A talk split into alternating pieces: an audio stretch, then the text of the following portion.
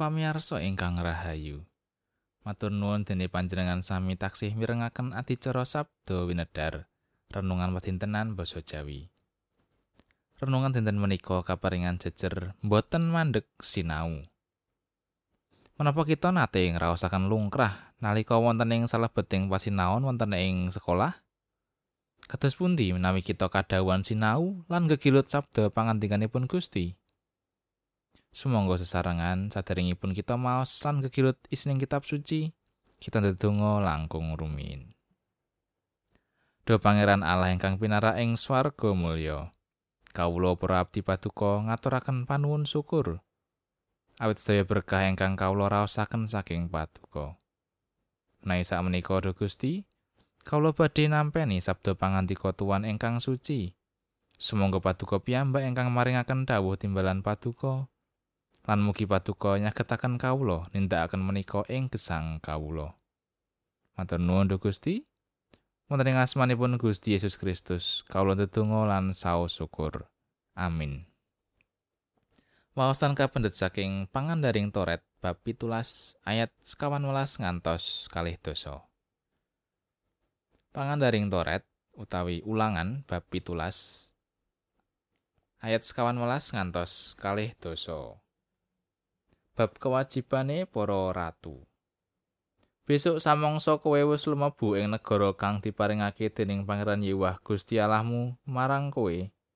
Sarta wis kok ejeki lan kok enggoni, mongko kowe banjur duwe osik. Aku arep ngedegake raja kang mengku marang aku, kaya sake bangsa kang ana ing saubengku. Kang kok adegake dadi ratu namungno kang kapilih dening Pangeran Yewah Gusti Allahmu.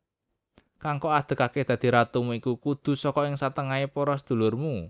Ora kena wong bangsa liya kang dudu sedulurmu kang kok adekake dadi ratu mengko kowe.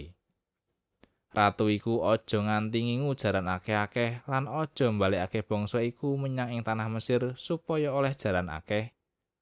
Awit dene wis ana dawuh sang Yewah marang kowe. Ing tembe sira aja baling liwati dalan iki maneh karo maneh garwane iya aja nganti akeh-akeh supaya atine aja nyeleweng. Iya aja banget-banget anggone kaseng semarang emas lan saloko. Samangsa wis kelakon lenggah ing damparing keprabon, banjur gawe layang turnane angger-angger iki, miturut kitab kang kadarbe dening para imam lan wong lewi.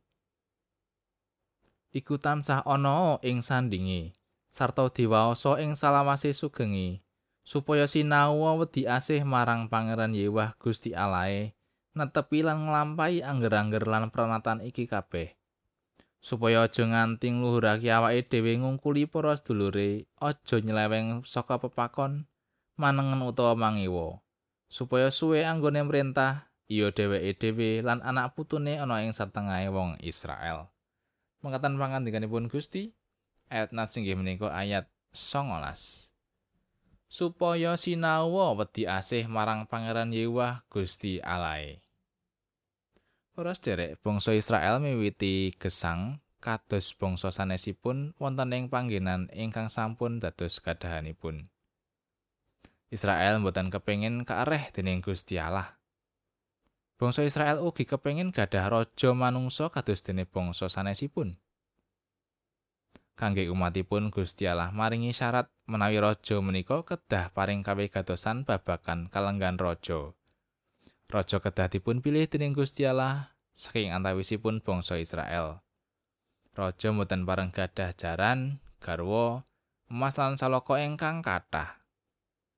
Jaran emek dalam menika minangka bukti kegiatan.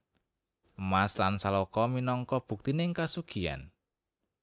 Noi menika saged nedahaken bab agenging panguwaos ing wewengkon utawi kraton ingkang dipun kawonaken. Mila padatan raja ningkah kalian pawestri saking negeri telukanipun. Menawi raja ngandelaken menapa ingkang dipun gadahi sanes Gusti Allah, panjenenganipun badhe gampil nyingkiraken lan damel bangsa Israel wangsul dhateng pambuangan.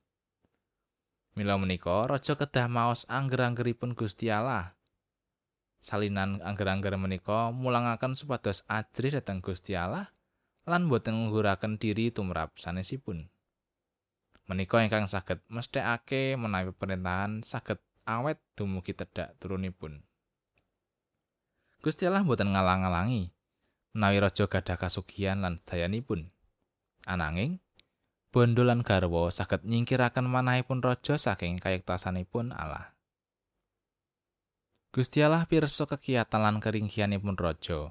Mila raja menika mbetahaken tuntunan boten saking donya, nanging angger-angger lan pranatan saking Gusti Allah. Gadah kesempatan dados pimpinan menika sae sanget. Ananging kedah ngatos-atos sampun ngantos nyimpang saking Gusti Allah. Sampun gumantung dhateng kegiatanipun piyambak. Nalika milih pimpinan, milih tiang ingkang andhap asor ugi milih ingkang ngutamekaken Gusti Allah saking kepentingan pribadi utawa golongan. ingkang langkung wigati kita sami kedah purun sinau supados ajri asih dhateng Gusti Allah. Amin.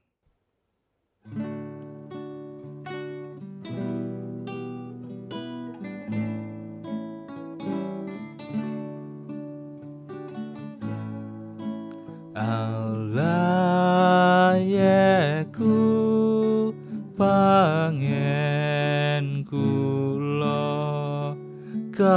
kangkung setras nanyo